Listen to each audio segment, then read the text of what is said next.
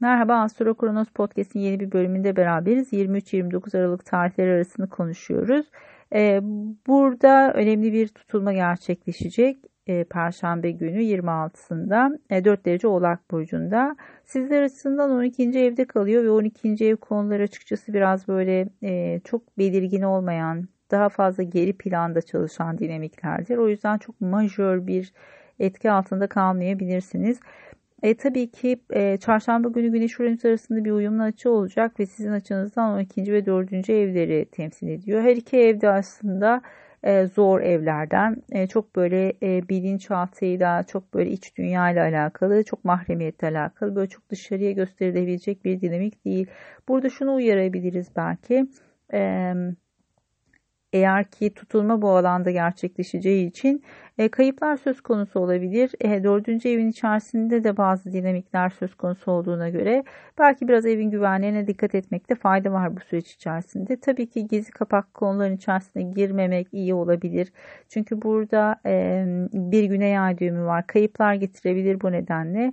Açıkçası kovalar için çok e, hoş bir e, tutulma değil bu. 12. evde kaldığı için iyi anlamda konuşmak biraz zor oluyor.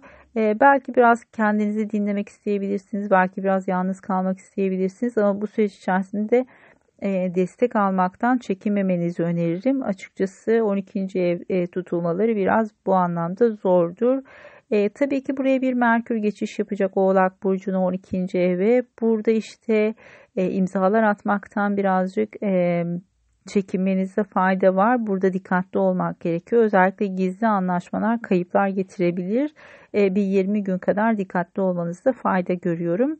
E, daha sonra hilal fazında e, birinci evinizde gerçekleşecek hilal fazı ortaya çıkmaya başlayacak. Eğer bu süreç içerisinde gizli saklı bir şeyler söz konusu olursa hilal fazında bu artık ortaya çıkabilir.